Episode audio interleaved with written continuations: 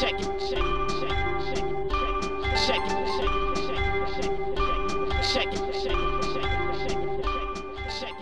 dzisiejszym odcinku postaramy się odpowiedzieć na pytanie, czy Mercedes już całkowicie zdominował ten sezon, jak również pomówimy o Ferrari i ich obecnych problemach. Zajrzymy także do Red Bulla i będziemy zastanawiali się nad tym, czy przypadkiem jeden z kierowców nie jest zbytnio faworyzowany. Przyjrzymy się także sprawie Hasa i kar, które dostali kierowcy po ostatnim wyścigu. A na koniec pomówimy także o Racing Point i o dalszych ich przygodach z kopiowaniem bolidu. Drugi odcinek Codrive.pl. Dzień dobry wszystkim. Cezary Gutowski, Aldona Marciniak i Jasie Kolejniczak. E, Witamy wszystkich. Po raz kolejny sięgamy do tego, co w Formule 1 się e, dzieje, a dzieje się sporo, pomimo tego, że wyścig ostatni Grand Prix Węgier chyba nie należał do najbardziej, powiedzmy, pasjonujących. Co wy o tym możecie powiedzieć? Jasiek, to ty na nim zasnąłeś. Przyznaj się państwu. To jest prawda, ale to był wypadek przy pracy. Nie, myślę, że wyścig nie był aż taki zły, nie był tak ekscytujący jak poprzednie e, wyścigi, natomiast wydaje mi się, że ten element, dajmy na to nudy, polegał na tym, że po prostu Mercedesy pokazały po raz pierwszy w tym roku pełnię swojej dominacji, czyli to był, to nie przypadek, że zmieniliśmy tor i dopiero teraz to wyszło, dlatego że e, no, w Austrii musieli oszczędzać samochody po prostu. Te tarki i wibracje, jakie one wywoływały, powodowały po, poważne problemy z samochodami. E, Mercedes miał szczególny problem i to były kwestie skrzyni biegów, jakiegoś takiego szumu elektronicznego czy elektrycznego. Natomiast w momencie, kiedy przyjechaliśmy do Węgier i te tarki są o wiele mniej agresywne, no to no, trzeba powiedzieć, że to, to, co zobaczyliśmy, było przerażające, jeżeli ktoś nie jest e, fanem Mercedesa. Dwa różne tory, a Mercedes y, bardzo, bardzo na czele. W tym kontekście w sumie ten wynik jest dla nich jednak troszeczkę porażką, bo mając taką przewagę, startując z pierwszej linii, masz obowiązek wygrywać dubletem. Tymczasem problemy Walteriego Bottasa, no właśnie, co zdziwiły cię? Nie, nie zdziwiły mnie. Jest to taki zbieg okoliczności, który można było przewidzieć. On został przewidziany, mówiąc szczerze. Ja tutaj oczywiście nie zarzucam e, żadnej celowości, ale no, on był do, do zgadnięcia. Tak wiele osób zgadło, że, że Walteri będzie miał jakieś tam problemy. Potem e, z ciekawszych informacji, na przykład Walteri e, w, ponoć w rozmowie z fińskimi dziennikarzami czy z fińskimi mediami powiedział, że na przykład w kwalifikacjach miał trochę za dużo paliwa w samochodzie. Trochę za dużo dolane, co w momencie, kiedy się walczy o setne czy tysięczne części sekundy, to w zasadzie każdy kilogram paliwa się liczy. Na, na takich marginesach działa Formuła 1 i tam jakiś błąd nastąpił w wyliczeniach i no, miał więcej paliwa niż Luis, chociaż Bottas przyznał, że to by nie zrobiło różnicy, jeśli chodzi o pole startowe. To była jedna dziesiąta e, różnicy między nim a Hamiltonem, czyli bardzo, bardzo blisko. Bottas pojechał świetnie, ale Luis to wiadomo, król kwalifikacji. E, No ale to coś takiego nastąpiło. No i potem, e, potem na tym starcie to jest też takie dość interesujące, dlatego że wiele osób e, uznaje, że to wina kierowcy. I, i to, no, czy i to się bierze z jakiegoś rodzaju niewiedzy. Znaczy ludziom się wydaje, że jak tak siedzę w swoim Fiacie Seicento na światłach tak i czekam aż zgaśnie, to to jest tak samo jak siedzę w Form- Formuły 1 i czekam aż światła zgasną, ale to jest zupełnie coś innego. Dlatego w takim momencie takiego maksymalnego skupienia kierowca wyścigowy, a szczególnie w Formule 1, przy takiej stawce, kiedy mu serce bije gdzieś średnio 200 uderzeń na minutę, ma prawo zareagować na każdy bodziec, więc ewidentnie w momencie, kiedy coś gaśnie w samochodzie, czy coś się zapala, e, no to to jest raczej błąd e, związany z kwestiami operacyjnymi. Coś tam nie za bardzo zostało, wydaje mi się, elektronicznie ustawione w samochodzie. Tutaj był też zarzut, że po prostu gasną, gasną lampki, które pokazują e, kierowcy, że nie ma optymalnych obrotów na starcie. Nawet jeżeli to jest prawda, e, chociaż jakoś trudno było wyłapać ze słuchu, żeby coś tam się zmieniało, no to ciągle jakby ten system nie za dobrze funkcjonuje w momencie, kiedy kierowca czeka na jakiś sygnał świetny, żeby ruszyć w każdej chwili. Trzeba dodać jeszcze, że Bo- Bo- Bottas jest fenomenalnym starterem. Było przecież, był taki moment, minimum jeden wyścig, kiedy się wydawało, że wręcz oszukał ten start. Że się strzelił idealnie w ten zapas, który musi być, żeby, żeby nie, nie dostać kary na starcie. Tak więc y, no ewidentnie dużo miał y, pecha. Walteri Bottas, z takiego pecha, który w zasadzie był przewidywany, że się wydarzy. To ja tylko chciałabym dodać, że e, bardzo szanujemy Fiaty Seicento i ich kierowców, Cezary szczególnie, gdyż e, był to jego pierwszy samochód i do tej pory bardzo go dobrze wspomina. Oczywiście, to było cudowne auto i tutaj, żeby nie było, tak, to mój Sejczak to było to Seicento S11, 54 konie i podbijaliśmy świat razem. A jakie to są cudowne wozy do rallycrossu. Po prostu można się ścigać i ścigać. Ale zanim przejdziemy do dominacji Mercedesa, bo do tego też bym e, chciał wrócić, to wróćmy na e, początek weekendu. Robert Kubica zgodnie z e, przewidywaniami pojawił się na torze. No i pojawiło się dużo kolejnych nieprzychylnych głosów co do samego Roberta, co ciekawe nie do samej e, Alfy.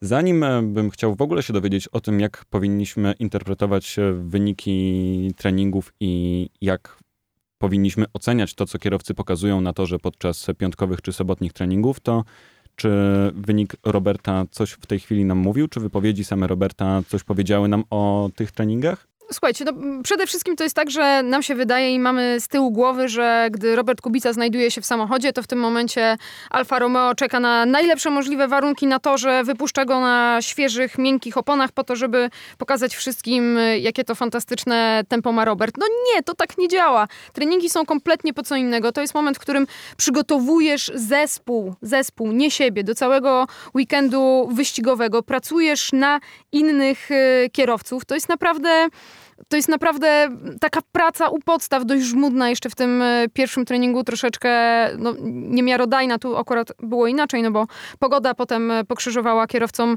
szyki. Natomiast e, no, pamiętajmy, po co jest trening.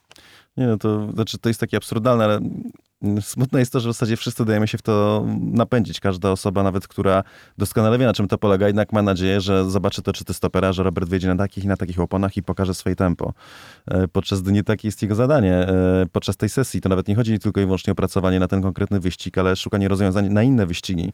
I de facto takie było zadanie e, Roberta, jeśli chodzi o trening na Węgrzech, czyli oni szukali rozwiązań, jak operować samochodem, jak go dostrajać na twardszych oponach, kiedy jest chłodno, po prostu. I to była taka praca, która ma, może przynieść owoce w przyszłości. Y, tak więc no, zupełnie inny cel i, i no, po pierwsze jakby w w przedziale stawki, jakby ocenić czasy Roberta, tak? Robert miał ostatni czas tych jeżdżących i potem tak duże larum, że o, ostatni, znów ostatni, tylko że potem przychodzą kwalifikacje i kto zajmuje dwa ostatnie miejsca w kwalifikacjach? Kierowcy Alfa Romeo, co oznacza, że bolid był de facto ostatni w ogóle generalnie. To był najwolniejszy bolid na Węgrzech. Tak? I to wszystko spadło na głowę Roberta. A potem jest porównanie z Antonio Giovinazzi, z Antonio, który szykuje się do weekendu, więc generalnie jego praca siłą rzeczy musi być bardziej e, sfokusowana na to, żeby szukać e, już tych ustawień pod kątem tego konkretnego toru i tego konkretnego weekendu, a Robert nie będzie dalej jeździł, więc jeżeli ma wykorzystać optymalnie 90 minut sesji, no to wiadomo, że mamy dwa samochody, robimy dwa różne programy i z całą pewnością nie ten kierowca, który dalej jedzie podczas weekendu, będzie badał koncepcyjne rozwiązania na dalsze weekendy, więc generalnie z, z grubsza chodzi o to, że e, w treningach nie ma sensu za bardzo robić tych porównań. E, a ponad wszystko, szczerze mówiąc, nawet gdyby to było bezpośrednie porównanie, no to biorąc pod uwagę, że Robert, tak jak jechali równo z, z Giovinazzi, no to traci tam, wyszło 6 dych ostatecznie, ale generalnie jak mieli w tym samym momencie, to były takie 3,5 dychy, no to tak jak na kierowcę, który y, siedzi w tym samochodzie po raz drugi w treningu, no to wydaje mi się, że samo w sobie już niezależnie od tego, kto ile miał paliwa, to było bardzo dobrze. Wydaje mi się, że jest jeszcze jedna rzecz, o, którą wszyscy, o której wszyscy zapominają. Hasło kierowca rozwojowy i trzeci kierowca, bo jednak Robert, mówmy się, nie jest osobą, która ma wyciskać z tego bolidu jakieś siódme poty, bo jednak jego zadaniem jest rozwijać bolid.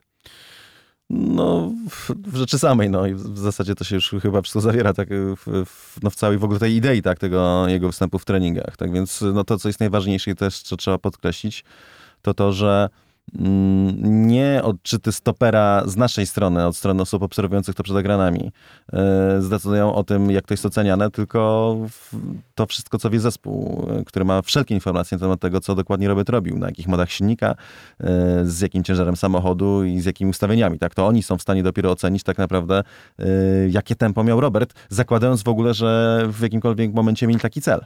To jest e, kwestia z Robertem związana. O treningach też wydaje mi się, że wyczerpaliśmy mniej więcej temat i mam nadzieję, że każdy będzie w tej chwili rozumiał, jaki jest e, cel treningów, bo umówmy się, nie możemy wyciągać zbyt wielu, wydaje mi się, wniosków po treningach, zwłaszcza piątkowych. Jest jakiś pewien układ i e, wiemy, e, jak będzie się weekend rozwijał. Gdzieś te sobotnie treningi, tak mi się wydaje, przynajmniej przed kwalifikacjami, są już trochę bardziej miarodajne, ale e, układ sił dopiero się gdzieś układa podczas kwalifikacji, no a przede wszystkim podczas wyścigu, więc to jest takie trochę prognozowanie z fusów po, po herbacie.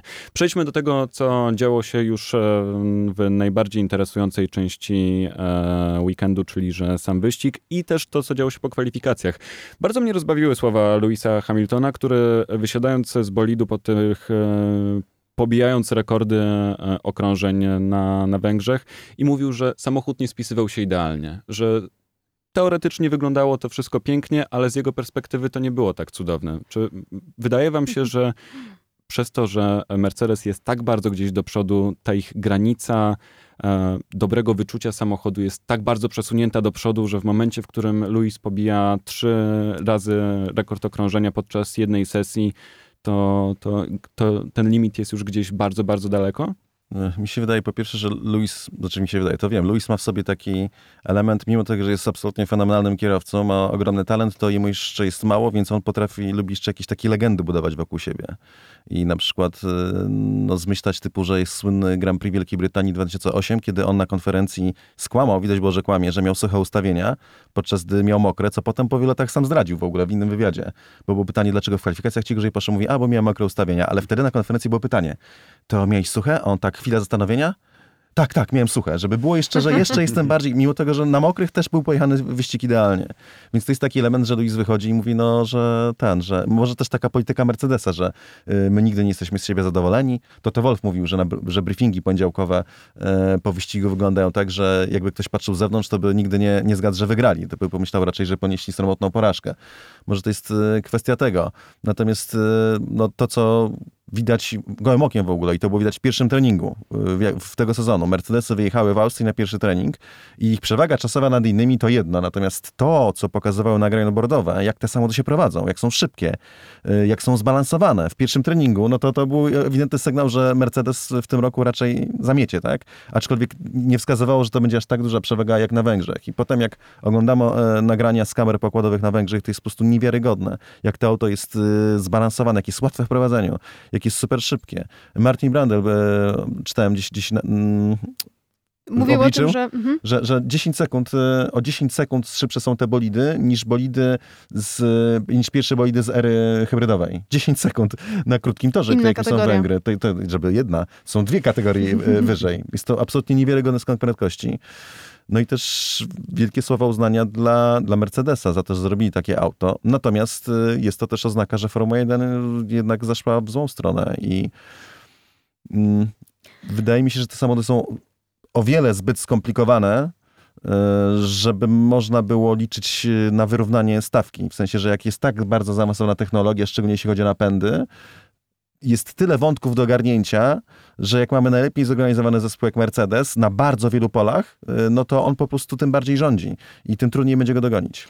To a propos Martina Brandla jeszcze i nagrań z kamery pokładowej. Brandl mówił, że nigdy nie widział e, samochodu wyścigowego, który pojechał taką linią jak e, Lewis Hamilton e, podczas kwalifikacji na, na, na Węgrzech. Po prostu nigdy nie było to możliwe, więc tak, to prowadzenie się Mercedesa to jest coś, na co zwracają wszyscy uwagę w padoku. A propos tego, co mówisz, tej filozofii Mercedesa, tego nigdy nie bycia z siebie zadowolonym, no to oczywiście co, już Toto Wolf broni nam tutaj idei ciekawych e, mistrzostw, bo e, usłyszał oczywiście komentarze e, kierowców e, Ferrari czy Maxa Verstappena, który powiedział, że no, i jeżeli to nie Lewis ma wygrać siódmy tytuł w tym roku, to jedyną osobą, która może mu przeszkodzić jest Valtteri Bottas. W tym samym tonie wypowiadał się Charles Leclerc, a Toto Wolf chce nas bardzo uspokoić. Mówi, nie, spokojnie, przecież wystarczy jeden nieukończony wyścig i cała różnica zmaleje. No tak, tylko że po tym jednym nieukończonym wyścigu będą kolejne, gdzie ta przewaga będzie znów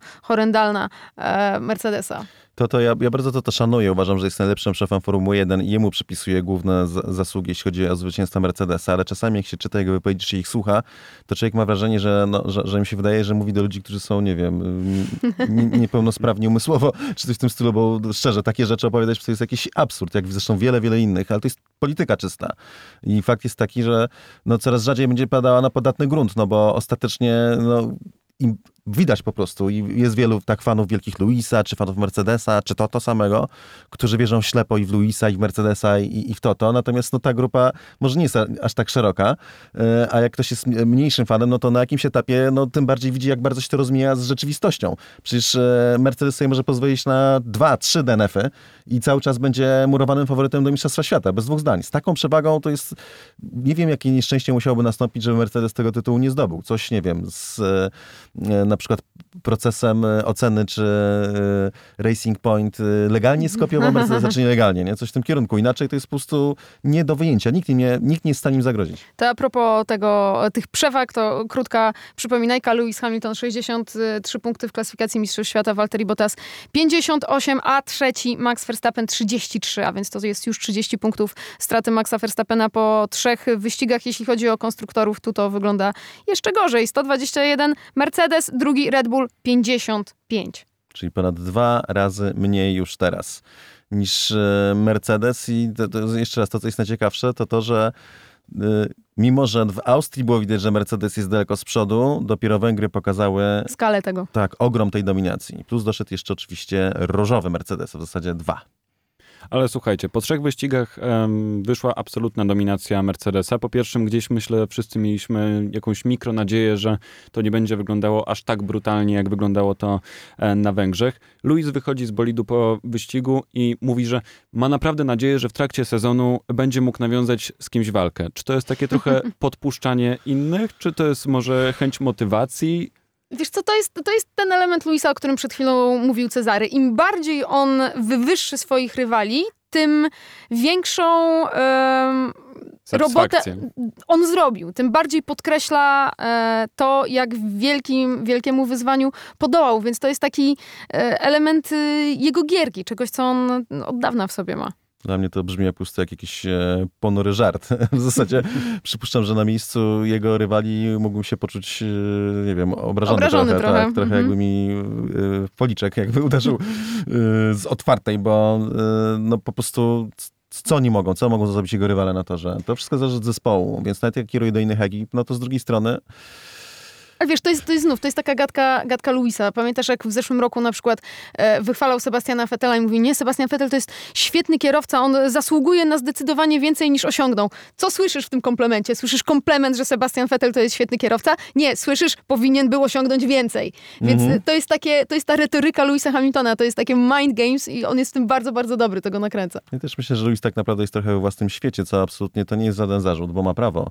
Bo jest trochę w innym świecie niż my wszyscy i niż cała reszta stawki Formuły 1. Warto zwrócić uwagę na coś takiego, że e, na przykład w padoku, on się porusza sam jest generalnie, on wchodzi w swojej, zanim e, pojawił się COVID i pandemia, e, on poruszał się w swojej własnej bańce. Jest oddzielony i to nie, nie, nie, nie, znam tego aurą, mówiąc szczerze, tylko jakiś taki rodzaj, i to też nie jest zarzut, bo to on ma prawo funkcjonować tak, jak funkcjonuje. Nikt nie musi, nie ma obowiązku się ze wszystkimi kolegować zadawać. Natomiast ewidentnie y, w jakiś sposób wytwarza barierę na co dzień między sobą a innymi kierowcami. Jeszcze raz, ja mu tego nie zarzucam, broń Boże. To on jest mistrzem świata e, sześciokrotnym, w zasadzie to już siedmiokrotnym, e, tylko trzeba dojeździć do końca sezonu.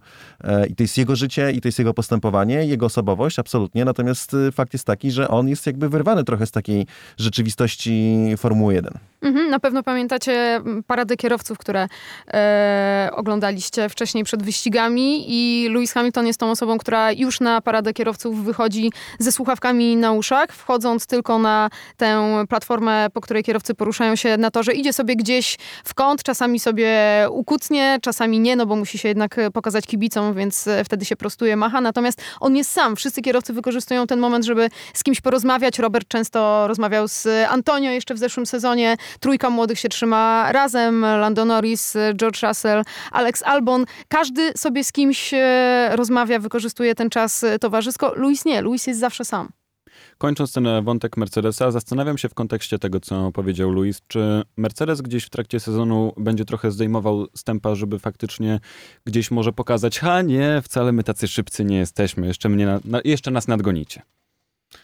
Trudno z nim zgadnąć. E, wydaje mi się, znaczy, wydaje mi się, jestem przekonany, że generalnie Mercedes przez te lata robił tak bardzo często. I jak były takie momenty, kiedy wydawało się, że Sebastian Vettel ma że walczyć o Mistrzostwo Świata, to ja uważam, że Mercedes e, nie pokazał wszystkiego, bo zawsze był taki jeden ten moment przecięcia. Mijają wakacje, podczas wakacji fabryki są przecież zamknięte obowiązkowo. E, wracamy i już nikt nie ma podejścia. E, I to się zawsze przypisało na karp, co nasi koledzy z Wielkiej Brytanii zawsze byli, że to Louis wrócił taki, że już po prostu nie do powstrzymania. Mm. Ale mi się wydaje, że po prostu to było takie trochę łudzenie do połowy sezonu, że tutaj są jakieś szanse, a potem po prostu no, egzekucja, egzekwowanie tego, co mamy do pokazania. W tym roku sezon wygląda trochę inaczej, dlatego, że nie wiadomo do końca, ile będzie wyścigów. Więc trzeba od razu kłaść karty na stół i zgarniać tyle z puli, ile się da w tym momencie, bo nie wiemy, kiedy gra się skończy.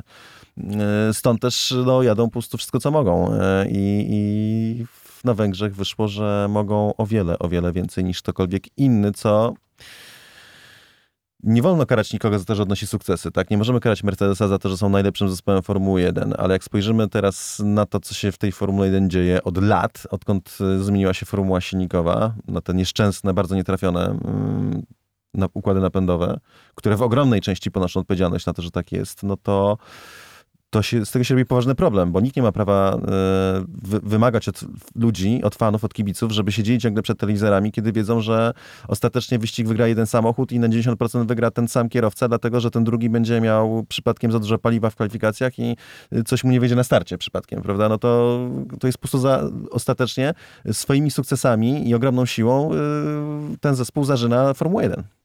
Miejmy nadzieję, że rok 2000, 2022 będzie jakąś, e, jakimś nowym otwarciem dla Formuły 1. Ja żyję tą nadzieją i mam nadzieję, że to będziemy... Jeszcze długo, jeszcze długo. Jeszcze długo, no, no, niestety, ale mam nadzieję, że te czasy będziemy wspominać jako dominację i jakiś popis e, techniczny, który, który będzie podziwiany, ale oby taka dominacja e, nigdy więcej nie wróciła. Przejdźmy do garażu czerwonych, bo tam mam wrażenie, że jak oglądałem wyścig, że wróciliśmy trochę do zeszłego roku połączeniu z e, fatalnym e, silnikiem, który jest przygotowany i w ogóle bolidem, który, który bardzo ciężko e, sobie radzi w tym sezonie, to w dodatku jeszcze złe decyzje taktyczne podczas wyścigu. Leclerc dostaje e, miękką mieszankę, która się zupełnie nie sprawdzała na torze i nie chciałbym tutaj przechodzić do tego, co działo się podczas wyścigu, ale zastanawiam się, czy e, Ferrari nie doszło do takiego momentu, w którym nie dość, że nie są sobie, nie są sobie w stanie poradzić przed sezonem w przygotowaniu do, do pełnoprawnego sezonu,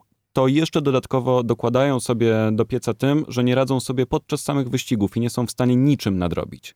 Czyli i tor zły, i podwozia też złe. Dokładnie. w tym kierunku idziesz.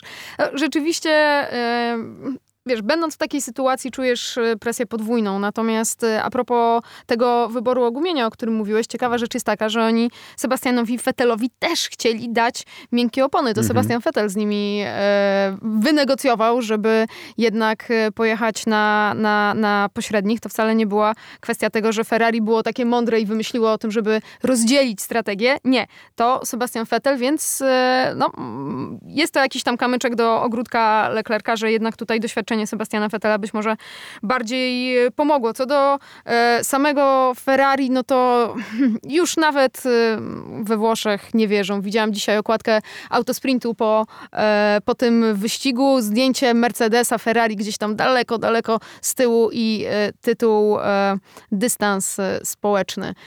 więc wszyscy dostrzegają, jak bardzo Mercedes jest z przodu i Także w samym e, Ferrari Sebastian Vettel to podkreślał tym, którzy byli mm, zadowoleni po kwalifikacjach i poczytywali to za wielki postęp, że no, co z tego miejsca są lepsze. Natomiast ta odległość, ten dystans jest cały czas e, taki sam. Mercedes jest w innej galaktyce. E, czytałam też dzisiaj ciekawe wypowiedzi Luki di Montezemolo, który mówił o tym trochę, jak on sam zarządzał tym zespołem, jak zarządza nim Binotto, podkreślając, że mm, on bardzo korzystał z wiedzy innych ludzi, z, z Rosa Brauna, Stefano Domenicali i tak dalej. Natomiast e, Binotto ma wszystko na swojej głowie, a w ten sposób nie da się zarządzać Formułą 1. To nie jest tak, że najlepsi ludzie w e, Formule 1 e, pochodzą z Włoch i mogą pracować w Ferrari. Nie, trzeba sięgać gdzie indziej. Tymczasem stracili Jamesa Allisona na rzecz Mercedesa, stracili Sassiego na rzecz Mercedesa ludzi, którzy w tej chwili byliby nie do, e, nie do przecenienia, a wydaje się, że i e, problemy na torze, ale też i problemy tym, jak zarządzana jest ekipa Maranello, mocno się przyczyniają do tej obecnej sytuacji. Wracając, żeby jeszcze wyjaśnić, bo tutaj y, mówiliśmy o TC Molowy, miałeś do, Domenicali, nam się kojarzy Stefano Domenicali z, po prostu z pozycją szefa Ferrari, ale Mm. Domenicali siedział w Ferrari przez bardzo wiele lat, pełnił tam, e, pestował tam bardzo różne funkcje. E, między innymi był dyrektorem sportowym. Był kiedyś taki wyścig, który e, Michael Schumacher wygrał, e, zjeżdżając na karę stop and go de facto po zakończeniu wyścigu, Wyścigu, w sensie na ostatnim mhm. okrążeniu. E, I wtedy jakby regulamin został trochę bardziej zaostrzony pod tym względem. Osobą, która wynalazła tę lukę i stwierdziła, że można to zrobić, był wtedy Stefano Domenicali jako e, dyrektor sportowy zespołu. Tak więc tu, no, to, to jest człowiek, który był w Ferrari od bardzo, bardzo wielu lat. Ostatecznie został wywalony za niepowodzenia. Jeśli mówiłaś o Vettelu, nie? O tym jego właśnie e, doświadczeniu. Absolutnie, doświadczenie, e, ale też siła spokoju. Mi się wydaje, że Vettel już po tych wszystkich frustracjach, kiedy poczuł też, że jednak ma dużo wsparcia e, pośród ludzi, nawet nie wiem, ludzi takich jak ja, który zawsze mówiłem, że Vettel nie jest tak dobry, jak mówią, a jednak trzymam za niego kciuki teraz, bardzo, bo go bardzo lubię po prostu. E, ma w sobie taki rodzaj jakiejś afirmacji, takiego no już tak patrzy na to trochę z dystansu. E, Na zasadzie, dobra, ja robię swoje, nie mój cyrk, tak, nie moje małpki. Po prostu robię swoje i robi swoje dobrze. E, Charles Leclerc jest na trochę innej pozycji, bo to on związał przyszłość z, z tym zespołem do 2024 roku, włącznie w tym momencie. E, To on ma mniejsze doświadczenie, plus jeszcze moim zdaniem w tym konkretnym wyścigu e, coś tam musiał być nie tak samochodem, w sensie, że nie wiem, czy jakieś naprawdę bardzo nietrafione ustawienie, czy jakiś nawet defekt, dlatego że Leclerc niezależnie od tego, na jakiej, na jakiej jechał oponie, auto prowadziło się fatalnie. Było tragicznie zbalansowane, to było widać. On to też mówił przez radio. I mimo tego trzeba dodać, że stoczył kilka fenomenalnych pojedynków, głównie w defensywie, w których wycisnął 100%, ale nie tylko w defensywie, także w, w ofensywie wyciskał 100%, jechał naprawdę po marginesach, typu jak wyprzedzał Norrisa na przykład, świetna walka, albo jak Sainz go wyprzedzał. Tak więc e, mimo tego, że ten wynik był gorszy od e, Vettela, generalnie był słaby, to trzeba podkreślić, że akurat o ile w, Styrii była wpadka, o tyle ten wyścig Leclerc pojechał świetnie. A propos tego wsparcia dla Fetela, widzieliście ten y, fragment y, rozmowy z Christianem Hornerem, który wyłapał Kanal Plus? Tak, że nie mają, nawet już ci zdjęli napis z kurtki, tak? Bo Dokładnie. duże poruszenie wywołało. E, Tak, tak, tak. To była taka sytuacja. e, Rozmawiali, rozmawiali w padoku i no, właściwie trudno stwierdzić, na ile, na ile to był żart, a na, ile nie, co tam się działo. Natomiast faktycznie, patrząc na kurtkę Sebastiana Fettela, e, Christian Horner powiedział, co nawet, nawet zdjęli, zdjęli twój napis i, i Sebastian Vettel, no, no tak. Na co Christian takim spółuśmiechem mówi, no to tak trochę ostro, czy, czy wszystko w porządku, are you okay? Sebastian, no, no tak. I, I potem się już odwrócili od, od kamer, żeby, żeby nie było słychać, co mówią. E, Więc to, rzeczywiście jest to, jest to wsparcie dla, dla Fetela, bo myślę, że cały padok e, widzi, że został potraktowany przez Ferrari nie w porządku. No dość twardo i... Zresztą, przepraszam, że wchodzę w Mhm. słowo, bo po prostu ja mam taką refleksję. Z jednej strony jestem czekiem, który od lat pisał i mówił, że Vettel to nie jest Mhm. wcale tak dobre, jak się w niektórym wydaje, że nic mu nie ujmując, zdobył cztery tytu- tytuły mistrza świata i, i, i super, natomiast no, że one trochę na wyrost e, po, pokazują to, co naprawdę, to jakim jest kierowcą. Cały czas podkreślają, że jest kierowcą bardzo dobrym. E, ale mimo to teraz jest mi strasznie przykro z powodu tego, co go spotkało. E, I też, no, trzymam z niego kciuki strasznie, w sensie, że mam nadzieję, że zostanie. Jest mi strasznie przykro, że Mercedes nie znajdzie dla niego miejsca, że e, Red Bull nie znajdzie dla niego miejsca. Red Bulla może trochę bardziej rozumiem, chociaż, no bo to chodzi o to, że już, że, już- że już tam był. E, strasznie było mi przykro, że McLaren, bo to było super połączenie Mm. i mam nadzieję, że faktycznie z tym Astonem Martinem e, po kolei, biorąc pod uwagę, że w, przysz- w przyszłym e, sezonie będą mieli szybki bolid, trzeba jednak mieć na względzie, że e, no, Aston Martin nigdy nie będzie najlepszym bolidem w stawce, dopóki, nie, dopóki, dopóki będzie tak bardzo zależny od Mercedesa. To, o czym mówiłaś, Eldona, ta sprawa kurtkowa, plus to, co sam Sebastian mówił o, o, o wyścigu tak naprawdę, że e, dla niego nie było zaskoczeniem, że, że ten wyścig będzie fatalny i że był pewien już przed wyścigiem, że będą zdublowani przez Mercedesa. Otwartość e, Vettela jest dla mnie bardzo zrozumiała, bo nie jest już zobowiązany żadnym kontraktem, więc tak naprawdę może mówić e, niemalże co chce i to słychać bardzo w wypowiedziach, ale jednak te wszystkie wypowiedzi są bardzo krytyczne i, czuć taką ciężar, który, na którym jest obwieszane Ferrari.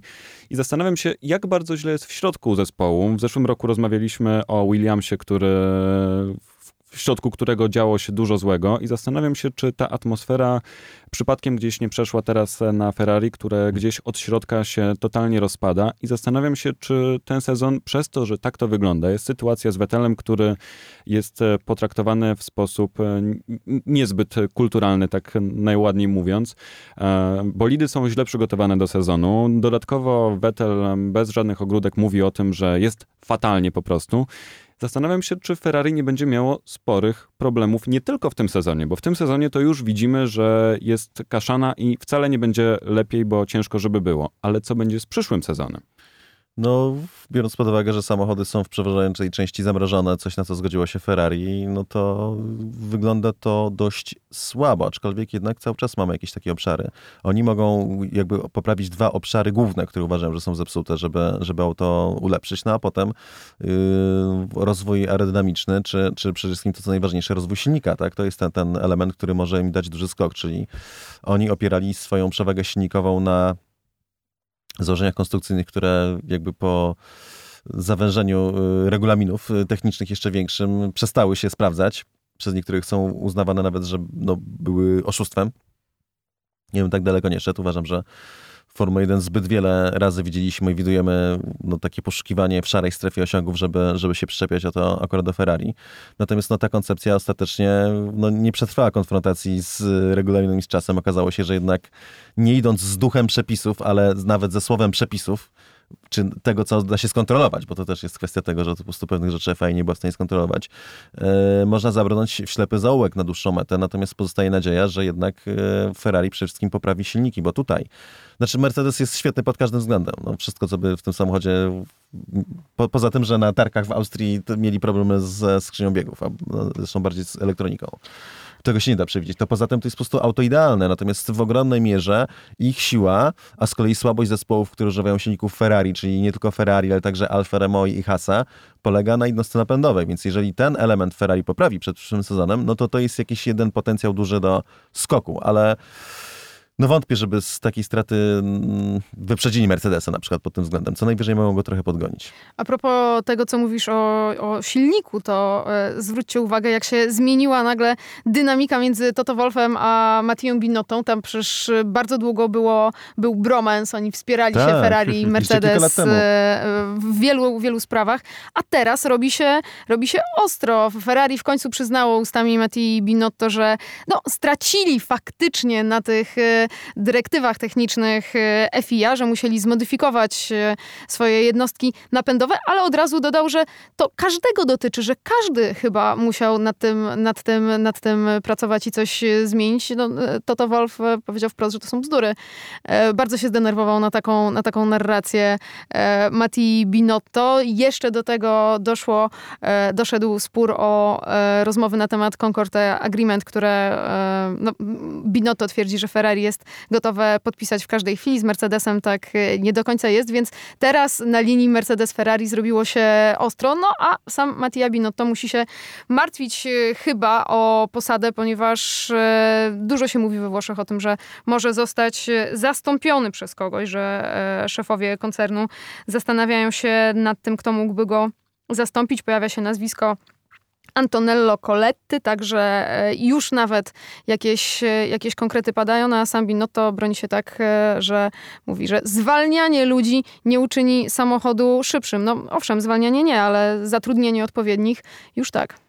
Ciekawe to, co mówisz o tym właśnie no, że na, na linii Toto Wolf i Binotto, czy Mercedes i Ferrari, które kilka lat temu, no, walcząc o obecny kształt Formuły 1 były bardzo blisko. Ja wtedy zwracałem uwagę na to na przykład, że Ferrari popełniał duży błąd, e, się za Mercedesem, bo Mercedes e, ich po prostu na tym wykiwa, w skrócie. E, natomiast to już nie jest tylko, mm, to jest bardzo ciekawy w ogóle aspekt polityczny, bo nam się bardzo zmienia ten e, krajobraz polityczny w ogóle w Formule 1. Patrzcie, wyborów nie było tam, a ten, a krajobraz się zmienia. E, I to to trochę jak Luis y, ma już taki własny obóz i bańkę e, i swoją strefę wpływów i wcześniej mówił, że także w walce z Red Bullem, tak, że ściągamy rękawice. I generalnie y, teraz mamy taki moment tej afery Racing Point, tak? I sędziowie będą postanawiali, czy to jest legalnie, czy nielegalnie skopiowane. I tak naprawdę to mamy do czynienia tak. Mamy Toto Wolfa, znaczy teoretycznie Racing Point, który jest y, na, jakby na pierwszej linii strzału, ale tak naprawdę za tym wszystkim stoi Toto Wolff i Mercedes. To jest właściwie, to jest uderze, uderzenie w Racing Point, to jest uderzenie w cały obóz Mercedesa, bo to jest zespół satelicki teraz de facto do Mercedesa. Inaczej tego nie, nie da się nazwać. Są dla nich buforem, używają ich większość ich części, e, są w tym samym tunelu aerodynamicznym i jeszcze zobaczymy, co wykażą te śledztwa w sprawie e, tych wlotów kanałów powietrza, ale jestem przekonany, że są zerżnięte nie ma jeden do jeden, a mimo to FIA ma podstawę, żeby uznać, że, że są legalne.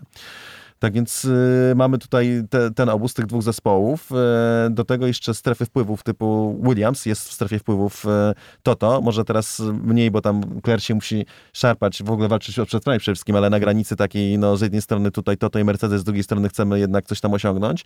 Więc mamy trzy zespoły już bezpośrednio związane. Będzie McLaren, który e, będzie silnikiem Mercedesa, więc będzie od Mercedesa jakoś tam zależny. Nawet jeżeli teraz Andreas Seidel no, ewidentnie mówi, że trzeba się zastanowić, czy chcemy Mistrzostw Świata Formuły 1 w kopiowaniu, czy jednak, a co jest wbrew jakby interesom Mercedesa i, i Toto Wolfa. I Toto Wolf ma kierowcę swojego Okona w Renault. To mamy połowę stawki w tym momencie już, e, ju- już pod, jego władzą, znaczy władzą, wpływami mniejszymi większymi. I to jest ewidentnie powiększenie, zwiększanie strefy wpływów w Formule 1 e, wewnętrznie i i budowanie swojej potęgi. Więc e, no, moim zdaniem nam się kształtuje taki krajobraz polityczny, spodobało mi się to określenie, nie myślałem, że go użyję, w którym e, no, Toto Wolff się już czuje na tyle e, silny i na tyle pewny, że coraz bardziej e, kształtuje tę rzeczy- rzeczywistość Formuły 1 i o nią walczy. I jest bardzo ciężki do pokonania, dlatego że co do zasady FIA i Liberty zazwyczaj bierze stronę Mercedesa i Toto Wolfa. Mam wrażenie, że naprawdę coraz ciemniejsze chmury zbierają się nad e, Ferrari, bo od tego generalnie wyszliśmy przy, przy sprawach silnikowych. E, chociaż mam nadzieję, że gdzieś tam promyki słońca zaczną się przebijać, bo jednak zespół z taką historią, e, no zresztą Williams także, ale nie chciałbym, żeby czerwoni gdzieś tam na samym dole się pojawiali, zwłaszcza, że Leclerc, który jest moim zdaniem fenomenalnym kierowcą, nie chciałbym, żeby przez złe decyzje zespołowe został tak bardzo poszkodowany, bo po prostu wydaje mi się, że szkoda byłoby talentu i przede wszystkim fajnej rywalizacji na torze. Za Carlosa ci nie szkoda? Carlosa? Carlosa trochę mniej. Jakoś wielkiej sympatii nie mam do Carlosa. Ale nie wiem, z czego to wynika. To są czysto, są bardzo subiektywne e, oceny.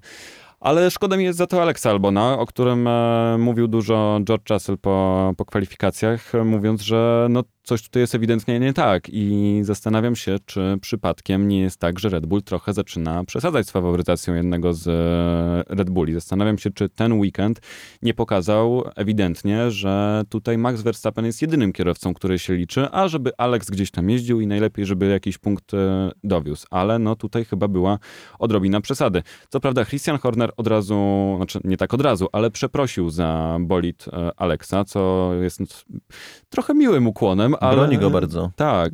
w To, wielu to, różnych wypowiedziach. to jest e, broniące, e, ale no jednak na torze to, to ważne jest to, co na torze, a nie to, co się mówi. I coś, co w zasadzie ma miejsce zawsze. Znaczy, często widujemy Alexa, który jedzie bardzo fajnie wyjści, który bardzo fajnie wyprzedza, e, atakuje i jest taki no, agresywny i tak dalej, ale widzimy równocześnie zawsze, że na stoperze jest o wiele, o wiele niżej od Maxa. E, I no to wrażenie po prostu się, to się w ogóle nie zmienia. Nie E, wygrał z nim żadnych kwalifikacji. na przykład.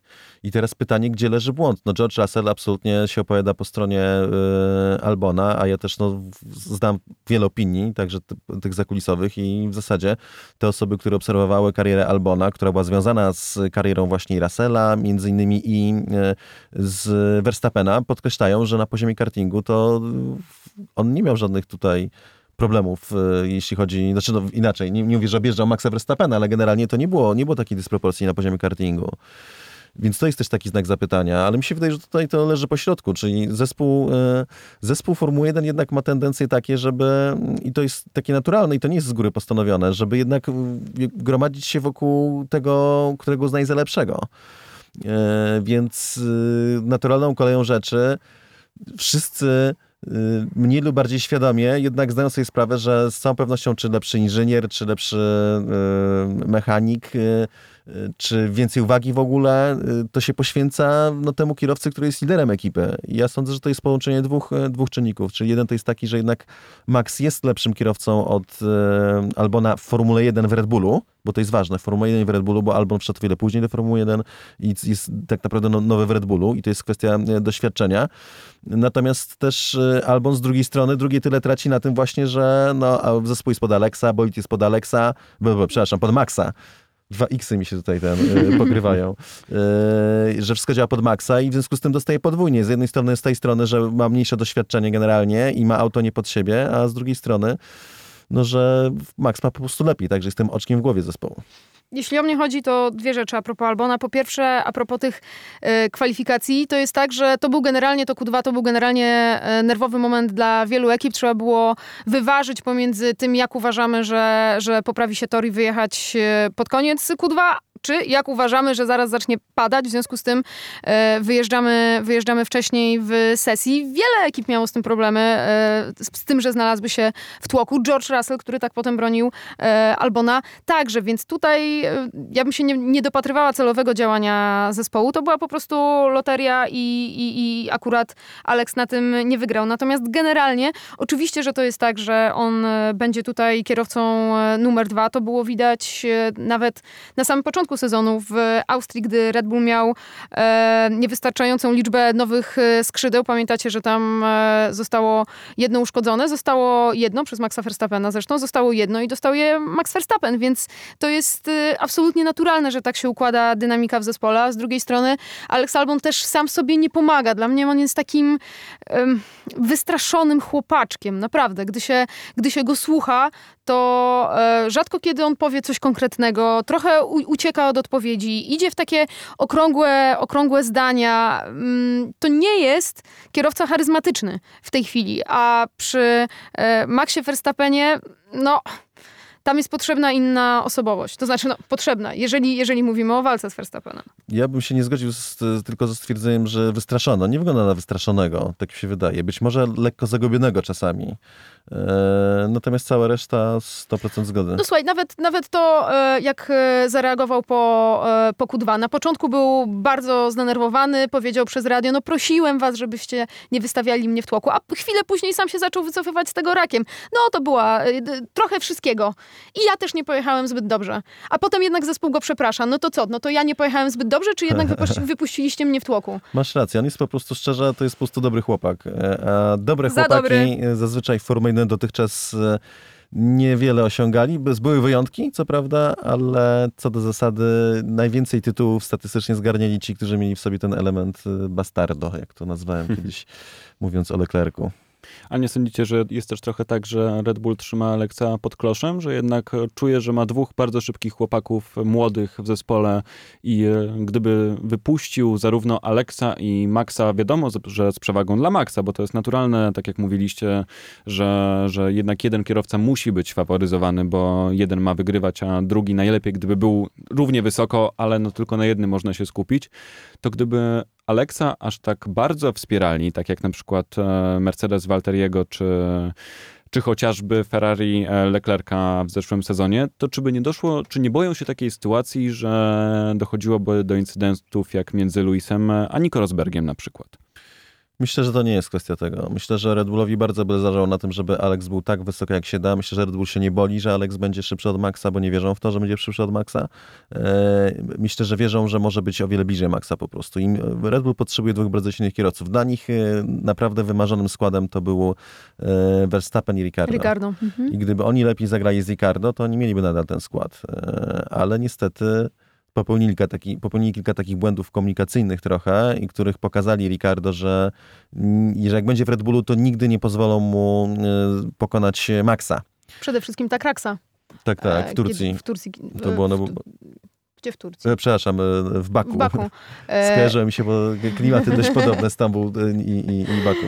To prawda, ale wtedy rzeczywiście zderzyli się i zespół stanął murem za Verstappenem w sytuacji, która była no naprawdę 50 na 50. No, ewidentnie, jeżeli nie nawet 60 do 40 Dla- na niekorzyść Verstappena. Tak.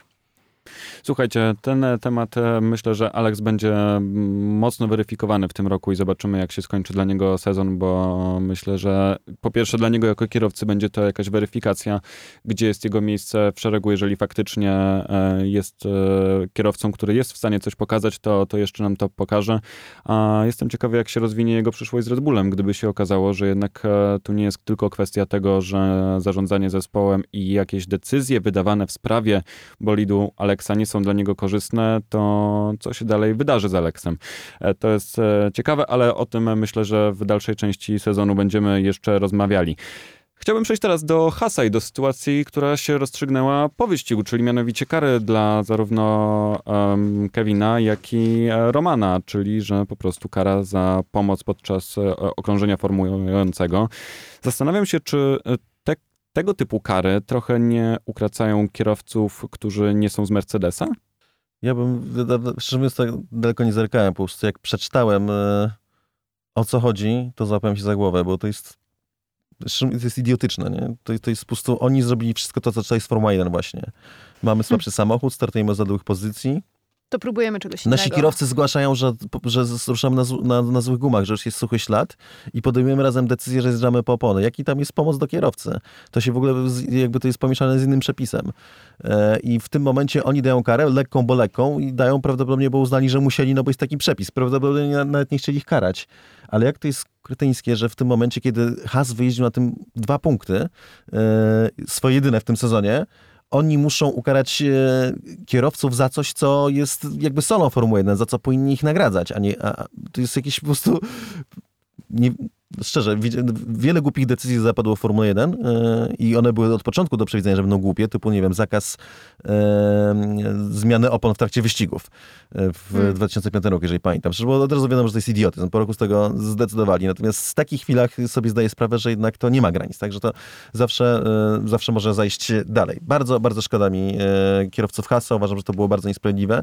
A z czego to się wzięło? No chodzi oczywiście o ten moment, kiedy zmienia się era Formuły 1 na te o wiele bardziej turbo, ultra hybrydową, e, no, zupełnie potrzebnie. Wbrew duchowi w ogóle, to było wiadomo, że to jest skazane na, na niepowodzenie, bo to jest wbrew duchowi Formuły 1, która jest wyścigiem sprinterskim, a samochody mają być lekkie, względnie proste w prowadzeniu, bardzo mocne, bardzo przyczepne, ale nieskomplikowane i nie ciężkie. I to po prostu bardzo odeszło od, od, od, tych korzeni Formuły 1, więc w momencie, kiedy to nastąpiło, no to e, nastąpiła ta cała e, fala krytyki, że teraz to już w zasadzie kierowca tylko kręci kierownicą, a cały czas ma na słuchawce inżyniera, który mówi mu e, IC P7, TX P4 i kierowca siedzi, tylko słucha i, i tym kręci, więc chodziło o to, żeby to kierowca miał kontrolę nad samochodem i żeby nie było tej takiej dodatkowej pomocy. Natomiast w takiej kwestii, jak, że oni przecież to, oni, oni to konsultowali, to kierowcy zasugerowali, że warto zmienić oponę, a potem zespół to potwierdził.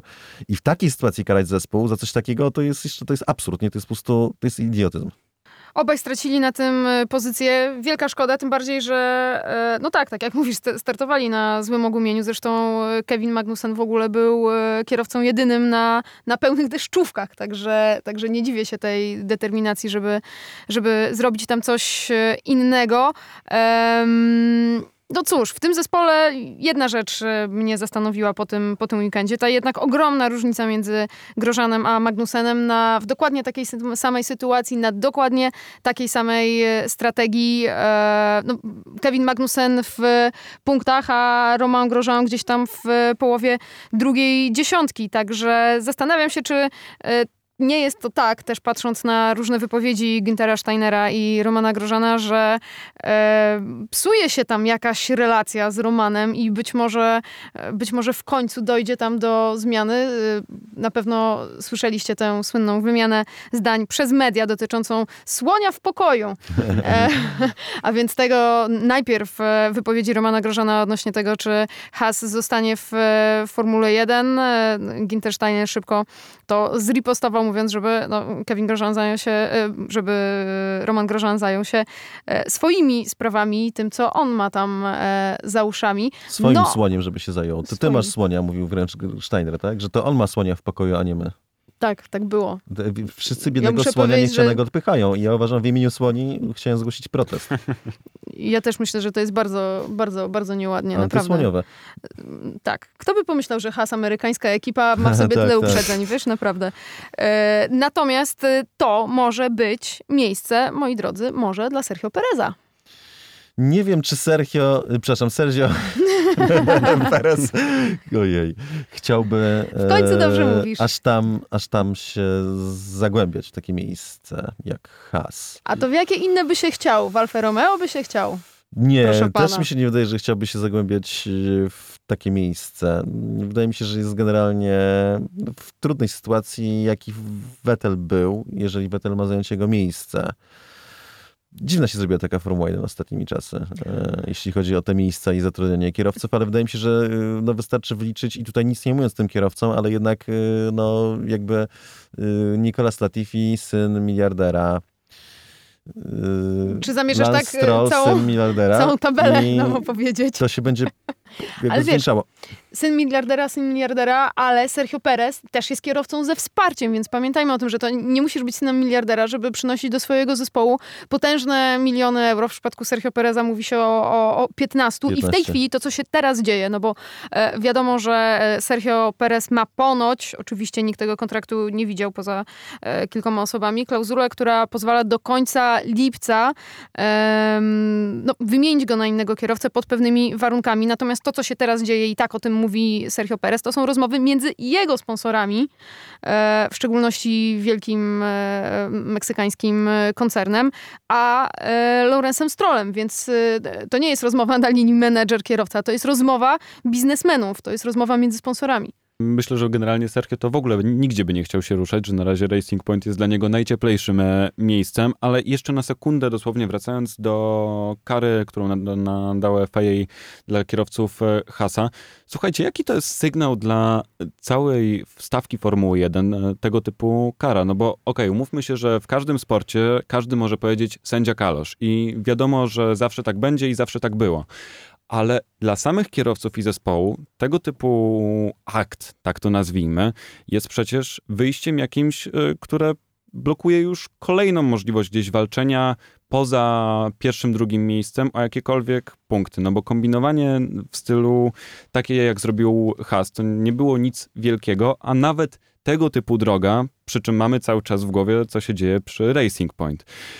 Nie można wykonywać tego typu ruchów, bo dostaje się od razu ścinkę o jeden punkt. No tak, no rzeczywiście taka, taki najbardziej prosty odbiór jest, tego jest taki, że spróbowali czegoś innego i dostali za to e, po łapach. Natomiast to jest to, o czym mówił, mówił Cezary, to jest kwestia przepisów e, takich, jakie one istnieją i e, jakby tym, po co zostały stworzone te, te, te przepisy dotyczące pomocy kierowcy, a tym, jak są teraz e, interpretowane i co po prostu musisz zrobić, żeby pozostać e, w duchu, w duchu regulaminu.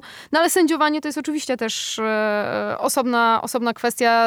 Przecież nawet teraz mieliśmy wątek związany z Lensem Strollem i Danielem Ricardo, gdy sędziowie tydzień po, po, po wyścigu no, przyznali, że właściwie to Lensowi Strollowi kara by się należała. E, moim zdaniem nie powinni byli tego mówić. Już, już, lepiej, już, lepiej, już lepiej ciszej nad tym, e, bo to jest kolejny moment, który nam e, pokazuje, że jest tutaj dużo do zrobienia. Nawet tego typu problemy, które były z flagami. Przecież Carlos Sainz tak, uniknął kary, bo dostał tylko niebieską flagę przy dublowaniu, ale się nie wyświetliło niebieskie na panelu. Wcześniej pamiętacie sytuację z Lewisem Hamiltonem. Mamy, mamy co innego na panelu, mamy co innego e, na fladze i jeszcze do tego nawet e, w oświadczeniu sędziowie się pomylili, pomylili panele z flagami. Także e, jeśli o to chodzi, to jest dużo do zrobienia. Zawsze tak było zresztą. Tak, znaczy to, to sędziowanie ma takie czasem lepsze momenty, mają, a czasami gorsze. I wydaje mi się, że w zeszłym roku, bo no poza kilkoma przypadkami typu, nie wiem, kara dla Vettela w Kanadzie, która uważam do dziś, Mm. że była skandaliczna. E, I była taka pro-Hamiltonowa po prostu, jakby celebrująca, w pewnym sensie oddająca się jakby te, tej tendencji, którą zawsze miał, czyli że był tym kierowcą, prawda, punktem odniesienia e, nietykalnym, no to jednak co do zasady było dużo akurat dobrych decyzji wyścigowych w zeszłym roku. I teraz nagle znowu w tym roku to się jakoś tak e, popsuło i, e, i rozmyło. No ale to mamy do czynienia z kilkoma takimi ewidentnymi przypadkami. Przecież e, kara dla Hamiltona była ewidentna za tę żółtą flagę na przykład. No to było to bez dwóch zdań. I moim zdaniem to, co zrobił Stroll z e, Ricardo, też było absolutnie ewidentne. W sensie, że super jak kierowcy walczą, ale w momencie, jeżeli jeden kierowca wywozi drugiego z toru, a jeszcze, że obaj wywożą z toru, no to to jest kategoria juniorska, tak? To nie jest Formuła 1 i to akurat nie powinno być e, akceptowane. To jest bardzo martwiące, ten, to, ten, ten wątek, bo tak w szerszym kontekście, jakby zebrać sobie to wszystko do kupy, to tak, sypie się trochę Formuła 1 pod względem tego, jak, e, jakie, są, jakie są kryteria sędziowania i jak to sędziowanie wygląda.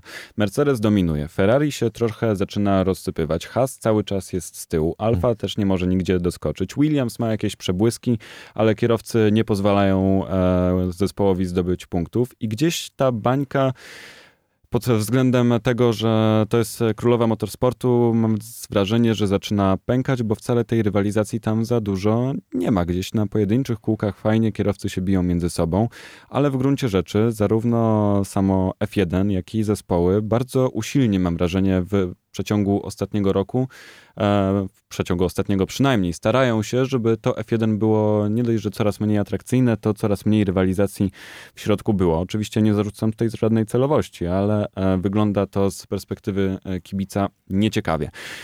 Ostatnia rzecz, o której chciałbym z wami porozmawiać, to jest Racing Point i końcówka, czy końcówka, tak naprawdę dalszy ciąg tego, co dzieje się z protestem. Po raz kolejny Renault zgłosiło wniosek o przyjrzenie się tej sprawie, tej samej, czyli że wlotów powietrza do hamulców. I bardzo ciekawą rzecz powiedział e, Ross Brown, czyli że dyrektor sportowy Formuły 1, mówiąc, że ale słuchajcie, kopiowanie Formuły 1 to nie jest nic nowego, że przecież to jest od dawna i że wynajmowało się fotografów, którzy mieli listę rzeczy do sfotografowania, żeby można było skopiować i że tak naprawdę o co chodzi. I tak naprawdę mówiąc e, w kontekście tego, co przed sekundą e, powiedziałem, to jest dla mnie jeszcze bardziej przerażające, że osoba, która jest przedstawicielem Formuły 1, mówi o tym, że przecież to jest spoko, że kopiujcie Aha. sobie wszyscy, no zaraz.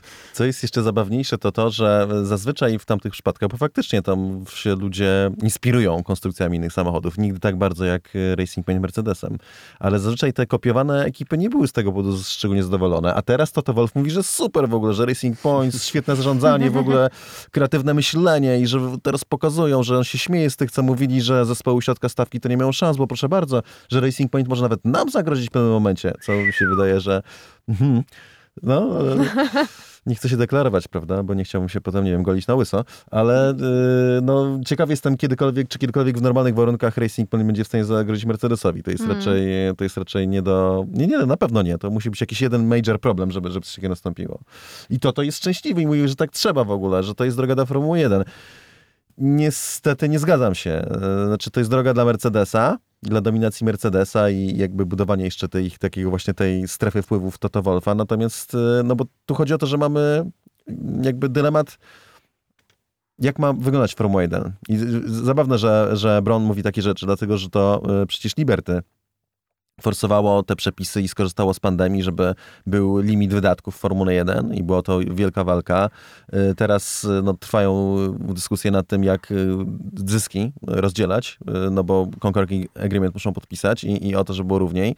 Czyli de facto teoretycznie pod tym względem dążą do tego, żeby było równiej, żeby każdy zespół miał szansę, teoretycznie. A ten model, który on teraz po, po, popiera, to jest taki, że y, każdy zespół, który będzie kopiował zeszłoroczne auto swojego partnera technologicznego, to jest skreślony, jeśli chodzi o walkę z tym, z tym partnerem. Znaczy, to co powiedział Max, e, Max Verstappen, że Racing Point nigdy nie pokona Mercedesa. Mhm. Bo kopiując ich zes- zeszłoroczne auto są już rok do tyłu, to już na wstępie, a już ponadto są generalnie w ich strefie wpływu, czyli e, no jak Mercedes tupnie i im się coś nie spodoba, to Racing Point musi prawda, skulić się w sobie, powiedzieć przepraszam i, i wrócić jakby do tej linii, którą wyznacza im Toto Wolff. Więc ostatecznie pytanie brzmi tak, czy chcemy Formuły 1, w której teoretycznie 10 ekip ma szansę, żeby wejść do czołówki, czy chcemy takiej, w której 6 nie ma żadnej. Mhm. A propos tego, o czym e, mówisz, e, dwie rzeczy. A propos tendencji i tego, jak ta Formuła 1 e, w jakim kierunku zmierza, mnie zaniepokoiło to, co i też ubawiło, bo Helmut Marko generalnie często dostarcza takich bardzo soczystych wypowiedzi i powiedział, że no, dobrze, poczekamy, zobaczymy. Jeżeli się okaże, że to, co zrobiło Racing Point jest legalne, to zrobimy to z Alfa Tauri. No i na to pytanie, no ale to, co zrobiło, czy, czyli co, co dokładnie Helmut, jakbyś powiedział, to tak, co dokładnie zrobili i co wy zrobicie? No, wynajmiemy dobrych fotografów. E, więc, e, więc, więc tak, to, tak to widzi Helmut Marko. No a cóż, a w samym e, Racing Point oni się e, bronią. Otmar Schaffnauer mówi o tym, że oni niczego nie zmienili w aucie w porównaniu z tym, jakie było w Australii pod tym względem, ponieważ FIA odwiedziła ich w marcu, e, pokazali im wszelkie, wszelkie, wszelkie dokumenty, wszelkie rysunki, e, no i wszystko fajnie, tylko że FIA w osobie e, Tom Bazisa mówi, że e, no, oni patrzyli na cały samochód, ponieważ e, samochód wyglądał e, bardzo cały. Podobnie, ale nie patrzyli dokładnie na kanały wentylacyjne tak dokładnie, żeby można było powiedzieć, że to jest, że Racing Point może spać spokojnie. Tu się rodzi jeszcze jeden precedens dość interesujący, dlatego że właśnie mamy teraz te kwestie kanałów, oprotestowanych kanałów chłodzących, tak? One z zewnątrz muszą być podobne, skoro kopujemy bolid, to z zewnątrz muszą być podobne i mogą być, bo można je zrobić zdjęcie z zewnątrz, ok, przyjmujemy, że się da na podstawie fotografii, natomiast no, jakby do środka fotografia, jeszcze przynajmniej tak ją znamy, nie sięga. Może, nie wiem, A jakieś technologie amerykańskiej armii. e, cholera wie. To nie wiem, czy to było legalne. Więc no, cóż, to... te kanały wewnątrz mogą, a wręcz niemal muszą być bardzo podobne. E, I na to też jest kruczek. I kruczek polega na tym, że do zeszłego roku można było korzystać i korzystano tak naprawdę z kanałów chłodzących innych ekip. Więc e, tłumaczenie jest takie, że nawet jeśli śledztwo FIA wykaże, że w środku kanały chłodzące Racing Point są bardzo podobne, bo identyczne chyba nie będą, do, do tych, które miał w zeszłym roku Mercedes, e, to tak długo, jak Mercedes pokazał im te plany przed 1 stycznia 2020, kiedy to się zostało nielegalne, E, i e, jak długo Racing Point nie zbudował na ich podstawie swojego, swoich kanałów, tylko prostu mógł je przestawiać dokładniej, po czym usiedli na komputerze i sami je zaprojektowali, czyli przepisali tak, z drobnymi, z drobnymi modyfikacjami, no to w tym momencie to będzie ciągle legalne. W sensie, że one mogą być nawet w środku niemal identyczne, tylko jak to, jeśli, jeśli Mercedes pokazał im plany przed końcem zeszłego roku, to wszystko ma być ok. I to już się robi przerażające, dlatego, że no, to już źle wygląda znaczy auto ładne, w sensie ja lubię różowy akurat y, i ten zeszły ten Mercedes był ładny, ale yy, proceder raczej brzydki. Wiecie, co mnie tak naprawdę e, martwi, zwłaszcza po dzisiejszym odcinku, że ten sezon będzie ciekawszy poza torem niż hmm. na torze. I to jest bardzo przykra puenta, ale wydaje mi się, że do tego wszyscy dojdą po wysłuchaniu naszych e, rozmów. Słuchajcie, jest powód, dla którego mówimy, że Formuła 1 to ten wyścig, te półtorej godziny czy dwie w niedzielę to jest e, wierzchołek góry lodowej, bo tak naprawdę ten wyścig toczy się na każdym innym, w każdym innym obszarze. On się toczy w fabrykach, on się toczy politycznie. E, to, to jest taki mikrokosmos Formuła 1 i to się nie sprowadza tylko do tego, kto prowadzi samochód w niedzielę. No wręcz nawet jest to jakby z punktu widzenia tego, jak funkcjonuje Formuła 1, to jest jakiś taki, no powiedzmy, że wisienka na torcie, tak to nazwijmy, a tor tutaj jest wielki, wisienka jest mała. I, no tak, i ta walka trwa, y, ona, to trwa cały czas, w sensie tam y, przypuszczam, że może jeszcze na Boże Narodzenie y, i kilka dni świąt ktoś tam odpuszcza, a tak nawet jeżeli ludzie wypoczywają, to zawsze będzie tam z tyłu grupa osób, które już będą coś robiły i pracowały, żeby było jeszcze lepiej. I mówimy tutaj o najlepszych ekipach, prawda? Myślę, że tam powiedzmy w ostatnich latach latach w Williamsie raczej ten, raczej tak przerwa świąteczna była bardzo długa. E, natomiast jeżeli ktoś ma naprawdę ambicje i, i no, chęć wygrywania, co wcale nie jest powiedziane, bo to też nie wszyscy mają, wbrew, wbrew temu, co się wydaje, no to, no to po prostu to trwa niemal cały czas. No i to wydaje mi się, że jest naturalne, tylko boję się, że osoby, dla których jednak wyścig jest kwintesencją tego wszystkiego i wyścig jest najbardziej interesujący, to że po prostu będą wszyscy bardzo zawiedzeni tym, że e, wszystko wokół działa tak, jak działało, tylko że niedziela z tego nie jest tak samo satysfakcjonująca, jak zawsze była.